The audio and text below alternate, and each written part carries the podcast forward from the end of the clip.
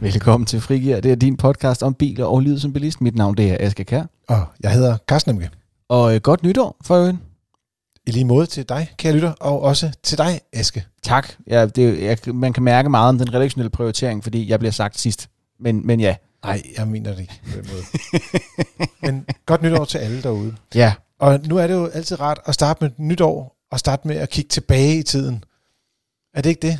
Jo, og lad os blive af til, at vi springer 2020 år, for der var faktisk ikke super mange ting at kigge tilbage på. Det taler vi aldrig mere om. Nej, det, det lukker vi. Det år, det er bare ude.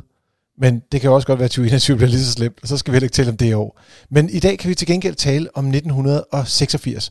Og så tænker du, kære lytter, hvorfor skal vi tale om 1986? Men det er fordi, at det er nu det nye veteranbilsår. Ja. Det er der, hvor der kommer nogle modeller på markedet, som kan være interessante som klassiske biler. Og øh, det har øh, vores gode kollega øh, Peter Clausen skrevet en fin artikel om i vores klassikermagasin, der hedder Motor Classic. Og vi kommer til at berøre nogle af de highlights, der er i 1986. Men hvis du vil have det hele med og meget mere, så skal du ud og købe magasinet. Ja, Motor Classic. Det er et dejligt blad. Jeg kan godt lide at bladre i det. Og vi taler om de her biler. Det er ikke, 1986 er ikke bare sådan et, et år, vi har hævet ud fra et vist sted. Det handler simpelthen om, at når biler de er 35 år gamle, yes. så får de de her lempelige muligheder for. Så bliver de officielt veteraner. Nogle af tingene træder allerede i kraft, når de er 30, men de sidste ting, de falder først, når den er 35. 35. Men det er, nu siger du lempelige, det er næsten rigtigt, og øh, også lidt forkert nogle gange, fordi der er nogle enkelte af de her lidt mere specielt dyre biler, som er blevet lidt dyre at få danske plader på med de nye øh, måder at beregne afgifter på. Øh, øh, ja, men de er billigere at få på plader, end de var for et år siden. Fordi der var de ikke 35, så der betalte de fuld vægtafgift, eller fuld registreringsafgift. Det kan man teoretisk set godt sige, men der er den udfordring, at lige snart det bliver veteranbiler, så kan du ikke få afgiften retur. Og det vil sige, der er forskel på, om du kan få penge tilbage, hvis du for eksempel har en bil i fem år, og så sælger den igen, lad os sige, hvor den stadigvæk er under 35 år gammel, og du så kan få afgiften retur, hvis du sælger den til udlandet. Eller om du bare må give 300.000 kroner til staten i afgift, som du aldrig ser igen. Og det er lidt det, der er udfordringen med nogle af de dyre klassiske biler. Ja. Men så, der er også nogen, der godt kan lide at bruge en masse penge på at betale penge til staten. Der er mange hobbyer, der er dyre. Det er jeg bare nødt til at sige.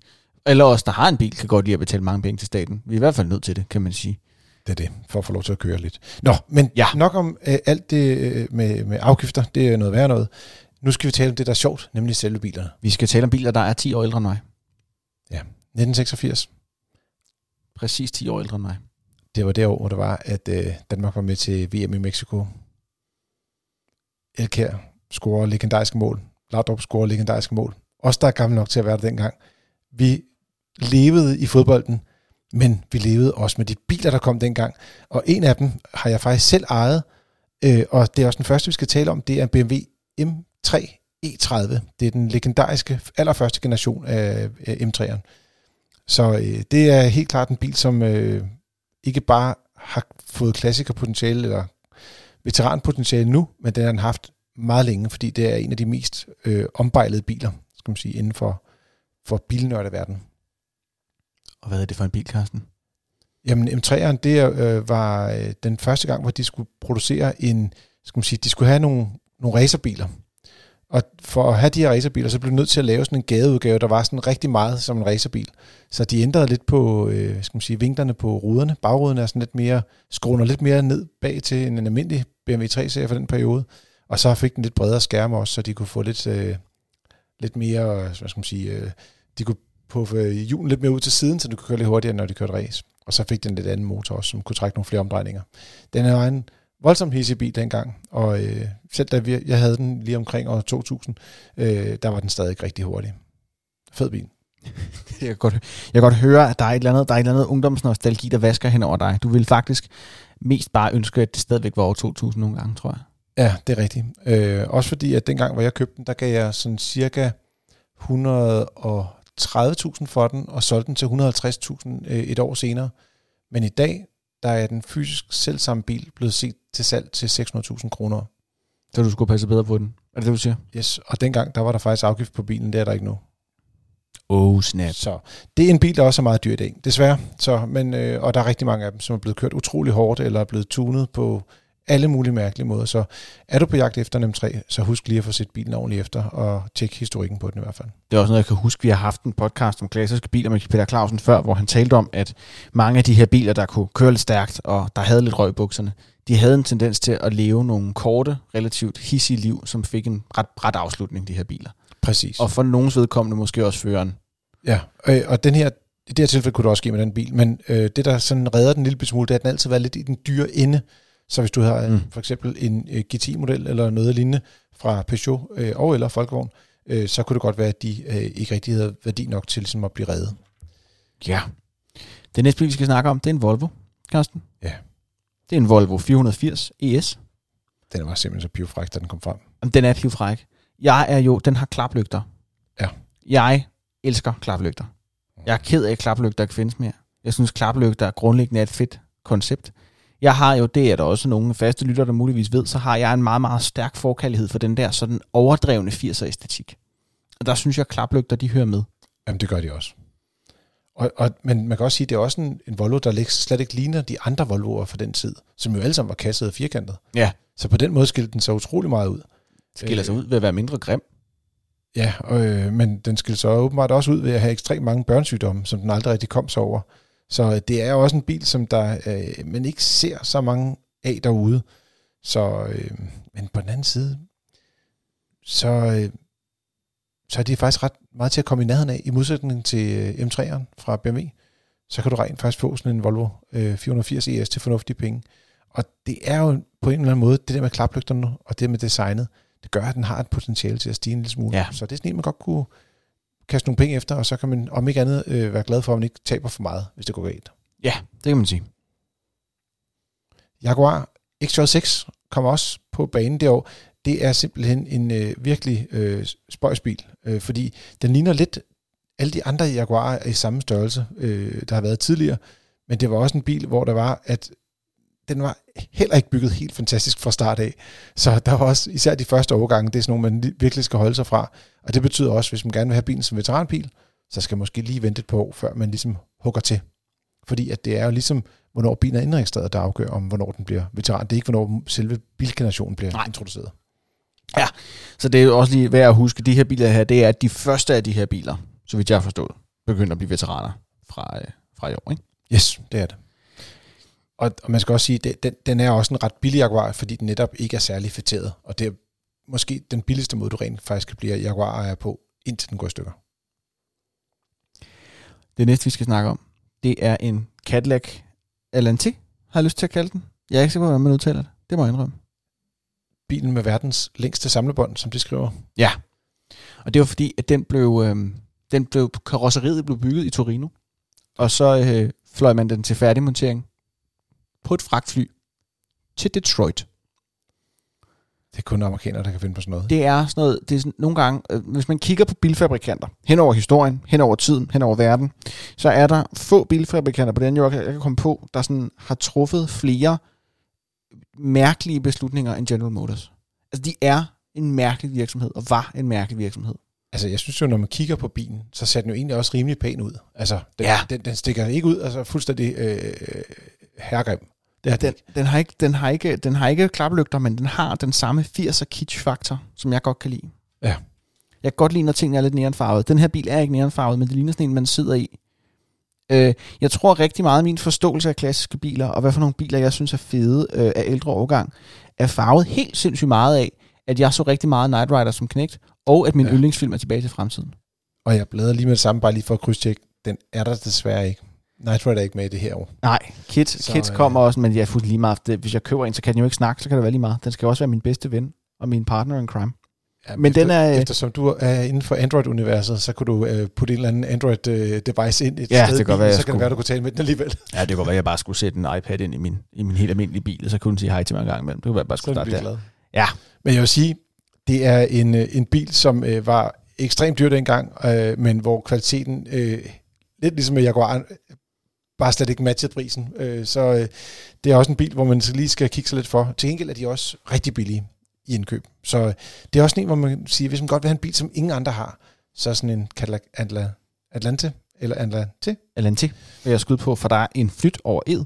Præcis. Øh, jamen, det er bare, jeg kan også godt lide ting, som ingen andre har. Jeg kan godt lide at være anderledes, fordi at jeg er, øhm, jeg, er, jeg ved ikke, jeg fordi jeg er autræer, tror jeg. Det vil også være tilfældet, hvis du vælger øh, den næste øh, bil, der ligesom er med i artiklen her. Vi springer lidt i bogstaverne og hopper over på en Porsche 959, for der er nemlig kun bygget 292 af dem. Og det vil sige, at der er ikke særlig mange, der har sådan en. Ja. Det koster så mange penge, at vi godt, det er sådan lidt en kliché at sige, hvis du spørger, så har du ikke råd. Men det er virkeligheden tilfælde med den her bil. Den er ekstremt dyr. Jeg har kørt i den en gang faktisk, og øh, jeg kan huske, det var sådan en, vi havde en aftale med en englænder, som sagde, vi skal overkøre nogle biler. Øh, det skal være en Ferrari F40, som jo er psykopatbilen fra Ferrari, og Porsche 59. Og så tænker du, Carsten, hvor kører man sådan en bil hen? Nå, Hvor, Karsten, hvor kører man sådan en bil hen? Sådan en bil kører man selvfølgelig inde i midten af London, hvor det er, at du kan køre fra forhandleren på veje, hvor der er henholdsvis 20 og 30 miles i timen, hen til en park, hvor der er 30 miles i timen. I biler med en fantastillion hestekræfter og verdens vildeste acceleration.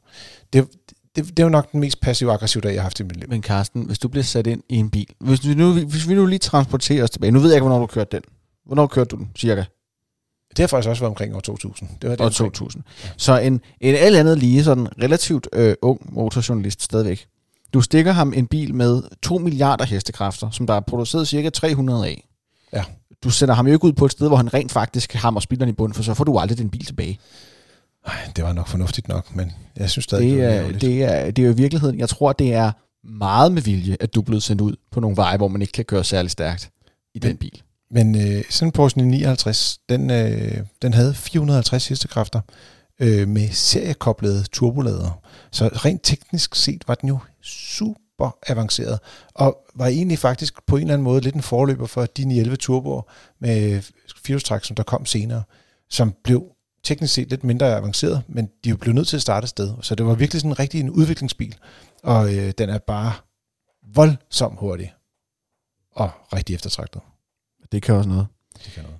Så skal vi snakke om en bil, som er, hvis Porsche 959 er fantasillion hestekræfter, sjælden, eksklusiv, voldsomt dyr, så er det næste bil, vi skal snakke om, faktisk mere eller mindre modsætningen til den bil. For det er en Opel Omega. Ja. Det er en afsindig almindelig bil. og stor og klassisk. Og så havde den det, man kalder en CV-værdi på 0,28. Det betyder, øh, det lidt, man kan også kalde det om, hvor vindglat bilen er, eller hvor nemt den bryder øh, luften. Det var faktisk øh, ret imponerende, at den var så, øh, skal man sige, havde lidt, så lidt vindmodstand, når man tænker på, hvor stor bilen er. Men det er også en, øh, en sjov, øh, spændende bil, som øh, faktisk fik en øh, titel som årets bil i Europa. Men øh, der blev ikke solgt så mange af dem dengang. Og øh, det er en bil, som er til at samle op til fornuftige penge, faktisk. Ja. Og den, men den er så til gengæld også bare utrolig almindelig, må man nok indrømme. Det er rigtigt. Øh, og, og det var også den, skal man sige, Omegaen, det var, den kom jo til, så der i 86, og det var så efter, at der havde været øh, fem generationer af Opel Rekord, som så er et navn, der ligesom er fuldstændig væk fra, skal man sige, ja, fra prislisterne i dag i hvert fald. Ja. En anden bil, som også er væk fra prislisterne, nej, det, passer, det passer ikke helt, men Lamborghini har en model, der hedder LM002, og de var også lidt forud for deres tid dengang. Og jeg, jeg, da vi kiggede på de her biler, øh, Asger, der, der må vi jo erkende, Lamborghini, det skal jo trække lidt på følelserne, ikke? Det, Ja, men Wow. jamen, simpelthen, det, det Lækkert, men den trak på en følelse for mig. som hed, Det var en, en blanding af forvirring, let afsky og barndomsminder, der vokser ind over mig, fordi jeg er stensikker på, at jeg havde den som legetøjsbil som knægt. Ja. Den er simpelthen, det er jeg nødt til at sige, Karsten, umådelig grim. men den har en V12-motor på 5,2 liter. Og man kunne få den med lyder- 7,2 kilo. Ja, lige præcis. Og den lyder bare vildt, mand. Så dem, dem er der også blevet bygget øh, 301 eksemplarer af, faktisk.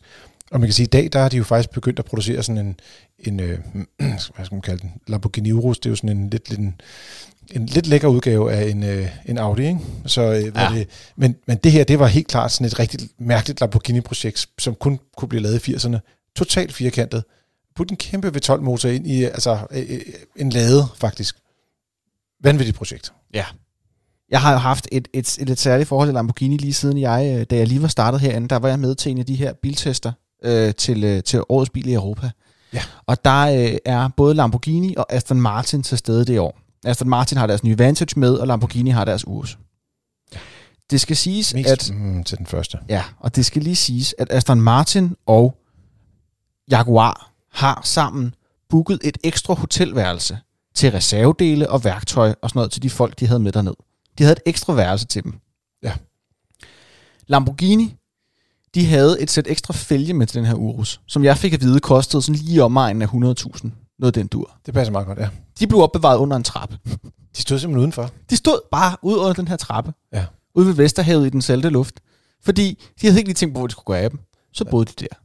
Jamen, det var også lidt. Jeg tror bare, de tænkte lidt, Nå, så, så har vi den der med, hvis det er, vi skal bruge nogle nye dæk. Ja. Nogle gange så sker der det øh, på nogle lidt større biltest, men dog sjældent øh, i Tannis øh, regi, at, at biljournalisterne de kører meget på bane eller sådan noget. Og der er de Mm. så brug, så slider de måske et sæt dæk op, og derfor så har de altid nogle reservedæk med. Ja. Så jeg tror, det var det, de ligesom havde øh, udset sig her. Øh, det var første gang, Lamborghini var med op til Tannis-test, og at de blev overrasket på mange punkter, og herunder også, at man rent faktisk kan lægge sådan et par fælge op i Nordjylland, bare midt ude på ingenting, i en uge, og der skete ingenting. Nej. De stod der bare, når de... Det eneste, der skete, det var, at der kom en smule selv på dem, fordi det, at det var ud til vandet. Ikke? Men det var faktisk det. Så det er øh, på alt andet lige øh, et, et, et mærke, hvor man kan sige, at der er en vis øh, mængde af, det er godt nok fransk, men der er sådan lidt kissera over det hele. Ja. Manjana, manjana på spansk, og jeg, ikke, jeg er ikke særlig god til italiensk, må jeg sige. Ja, det er sgu da.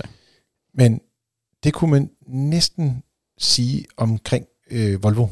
Vi havde lidt tidligere fat på en øh, meget vindglat, spændende formet bil, men der findes også en Volvo, der hedder 780, som lidt var en hmm, sådan patroneudgave af en Volvo 4, 740 øh, og 760, som var virkelig firkantet. Og så blev den sådan rundet lidt af, og så havde den øh, enten øh, en V6-motor, men jeg kan huske, jeg så nemlig også en udgave, som havde en turbodieselmotor. Og jeg tænkte bare, hvordan kan man have en bil, der ser så elegant ud, øh, og dyr ud også, og så med sådan en, en dieselmotor. Øh, meget speciel bil i øvrigt. Og der blev solgt 13 af dem i Danmark. Det var ikke så mange. Den er til gengæld mere Volvo-kasset, end vores klaplygtede ven fra før. Præcis. Den har, sådan de der, den har de der Volvo Amazone-vibes, ikke? Det har den nemlig. En anden bil, som også er, og det, jeg kan huske, jeg så den her, da jeg sad og bladrede det her igennem inden. Der er en Jeep Wrangler også. Ja. YJ. Og det sjove ved den bil, det er, at jeg kiggede på den, og du kunne have taget et billede af en Jeep Wrangler i 2020, og så kunne du have lavet det til sort-hvid. Og jeg er ikke sikker på, at jeg ville kunne se særlig mange forskelle på de to. Jamen, de, de holder meget fast i det her med, at designet skal være det samme. Det var lidt ligesom, hvis du kigger på Defenderen fra Land Rover, Ja. så var den jo også den samme i en rigtig lang periode. Så Wrangleren skal ligesom ligne sig selv. Der, der er et eller andet ved den model. Og jeg kan huske, da den kom frem der i, i midten af eller 80'erne der, ej, jeg var jo super forelsket i den. Det var sådan virkelig sådan en, der den skreg bare øh, Kalifornien, den bil. Altså, det var jo faktisk ikke sådan en bil, der man skulle køre ud i skoven med at klatre rundt Nej. og lave alt muligt andet. Det var ude på stranden, Ja, ikke? med solbrændte damer. Solbrændte damer og surfboards. Altså, Ja, ja, afsted. ja, ja, ja, ja, ja. Vind i håret. Ja, det er, og det er, og det er, men altså, hvis du kigger på det i virkeligheden, Jeep Wrangler, så ligner jo bare de originale militære jeeps. Altså, hvis du sidder og ser MASH, du kan huske den serie, Ja, der foregår under Koreakrigen, ikke? der ligner de jeeps, de havde der, jo også stadigvæk lidt en, Jeep Wrangler i dag. Altså, der var Ja, ja, virkeligheden... Principielt er der lidt mere luksus i, men, men det er jo ikke fordi, at en Wrangler føles luksus har- i forhold til andre biler. Nej, du har stadigvæk den der slå ihjel front, som, som Ja. aldrig rigtig er gået noget sted hen. Og ja, bevares, der er mere udstyr, men jeg synes samtidig også, at nu nogle år siden, jeg har kørt i en Wrangler, men det er jo ikke fordi, jeg sidder og tænker sådan, det her det er topmoderne. Jeg tænker mere, at det her, det kan tåle nogle pryl. Det, og det kan den i den grad. Og det kunne de også dengang. Så de er gode til at, at klatre med. Lidt en anden speciel bil fra den periode, det er en Aston Martin Z8 Zagato. Og der er sådan, at Aston Martin har igennem tiderne haft sådan nogle forskellige udgaver af nogle Zagatoer. Øh, og det er lidt specielt, fordi den, der var en DB4 Zagato, Mm. og den havde sådan nogle bobler i, i, skal man sige, i taget, og den var bare så fed at se på. Men når man så ser den her Zagato fra midt-80'erne, så tænker man alligevel, godt være, man skulle vælge en anden Aston Martin til at være sin klassiske bil. Hvad, hvad ja. Tænker du? Er du Jeg, jeg, Har du lidt dit 80'er-vibe kørende på den her, eller? Nej, nej, jeg synes, den ser mærkelig ud. Det er bare nødt til at sige. Jeg synes, fronten er spøjs. Jeg synes, det ligner, at øh, forlygterne er klistermærker. Ja. Øh, fordi de, sådan, de bøjer på sådan en flugtet måde sammen med, øh, med fronten.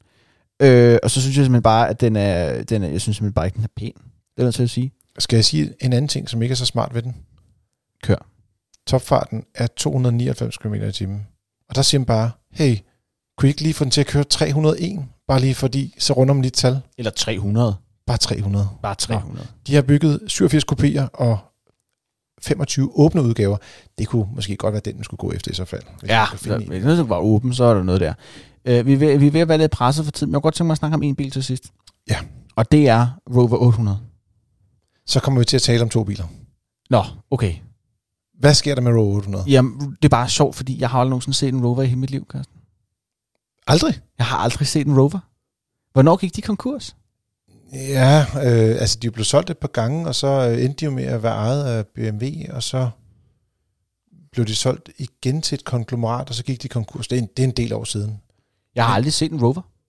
Det er alligevel utroligt, fordi de har været her igennem mange år, også Ja. altså, som vi, mens du var øh, i live, så at sige. Altså Ja. ja. du blev født. Ja, ja. så, Men jeg har aldrig set en Rover.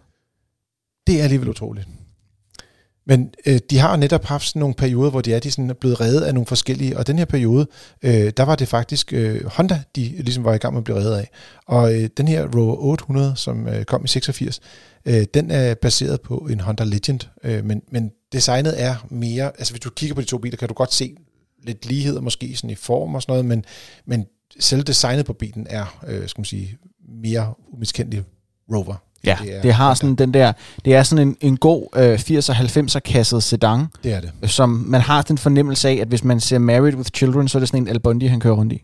Altså, det kunne principielt også være en Ford Scorpio eller noget andet i den stil. Ja, ja. Og, ja, det har det sgu nok været. Men, men pointen er den samme. Den har sådan en ja, 80'er, 80'er, 80'er familie-vibe. Ja, nå, men det, var, det var mere bare for at sige, dengang, der, det var den periode, hvor det var, at bilerne endte med, at, fordi det skulle være så, skulle man sige, have den rigtige øh, vindmodstand i det CV, CV Ja. ja. vi kan tale om tidligere, så endte mange af bilerne med også at få et design, der mindede rigtig meget om hinanden der, sådan i, fra midt-80'erne så til en gang midt-90'erne, ikke? og så stak, synes jeg i hvert fald, designet lidt mere i. Ja, og de var alle sammen lidt firkantet. Men der var altså en bil, som der hang på mit barndomsværelse.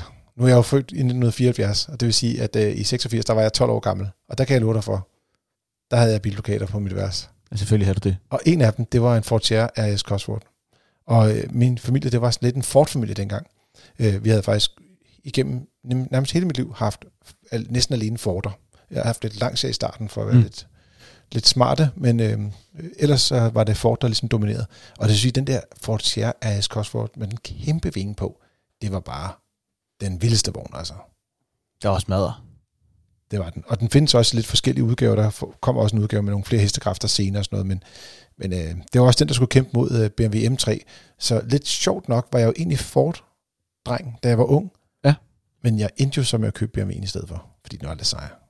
Ja, den var lidt. Altså jeg må indrømme, jeg synes også, den kan noget. Den har også noget af det der 80'er kitsch, men den er jo sådan en, den er jo sådan en racerbil, sådan umiskendelig, også i sin fremtræden, og hvis man ja. Kigger på øh, dens øh, hvad man sige, præstationsevner, også i særdeleshed øh, indeni, ikke? Men Men jeg vil sige, kabinen i sådan en bil fra 80'erne, og, og selvom den er, ser dyr og luksus ud, og, og måske luksusracer-agtig ud lige Mm. præcis med den her øh, Cosworth-udgave af, af Sierra. Øh, ja, der er sket meget med bil, øh, skal man sige, kvalitetsfornemmelsen inde i biler, siden da i hvert fald. jeg har, jeg har tit tænkt på, at når man kører i ældre biler, så er rettet, rettet føles super skrøbeligt. Ja. Det er sådan tyndt. Men øh, ja, men øh, i det hele taget er det, jeg føler man så også lidt skrøbelig, når man sidder i en, i en ældre bil. Men det Ja. er også nogle af glæden der, hvor det er, at man kommer ud og kører bil på en anden måde, og man, øh, øh, der er mere støj i dem, og de er ikke så godt isoleret på alle mulige mærkelige måder, så øh, man, er, man er lidt mere med i køreturen. En, Og det er jo ikke meningen, at de her klassiske biler skal køre til hverdag. Det er nogle biler, man Nej. kan have for sjov skyld, og måske køre et par hyggeture med om søndagen, eller til et træf, eller ja, bare for at hygge sig ud på en lille bitte landevej. det er Så- sådan nogle biler, hvor man kan, man, kan, man kan høre al støjen, og man kan mærke en let dødsangst, og det eneste gode ved støjen, det er, at den overdøver lyden af Greta Thunberg, der græder umiddelbart et godt stykke væk fra dig, når du, hvis du, hvis du smider motoren øh, i tomgang op på fuld gas for at lave noget alarm på den der. Ja. Og så bliver der grædt på svensk. Det gør der. Der var ikke meget... Øh, skal man sige. Det, var, det var først senere, man rigtig fik øh, udbredt sådan nogle ting som øh, katalysatorer og lignende. Ja. Men derfor øh, nyd med omtanke. Præcis. Og øh, så siger vi tak til øh, årgang 1986, og vi siger tak til dig, for du har lyttet til Frigir. Det er dit frikvarter med, øh, med biler og livet som bilist. Du kan anbefale os til dine venner. Du kan smide nogle stjerner vores vej igennem din podcast-app, eller skrive en anmeldelse. Du er også altid velkommen til at sende en mail til øh, podcast Øh, og nede i episodebeskrivelsen, der kan du se noget mere information om Motor Classic, som Ja. er vores øh, blad om klassiske biler. Så der kan du jo prøve at undersøge, om det er noget for dig. Så hvis du rent faktisk har lyttet helt hertil, så kan vi klart anbefale, at du også køber bladet, fordi der er masser af gode historier, også noget med motorsport, noget historie, bare generelt omkring bilhistorie, og så er der alle de biler, som der er- er spændende at købe som klassikere nu, ikke bare årgang 1986. Og øh, jeg kan love, at Peter Clausen, ham der er redaktør på bladet og skriver mange ting i det, han ved markant mere om klassiske biler end mig. Bare rolig. Og mig, for det sags skyld. Tak for denne gang. Vi høres ved. Og god tur derude.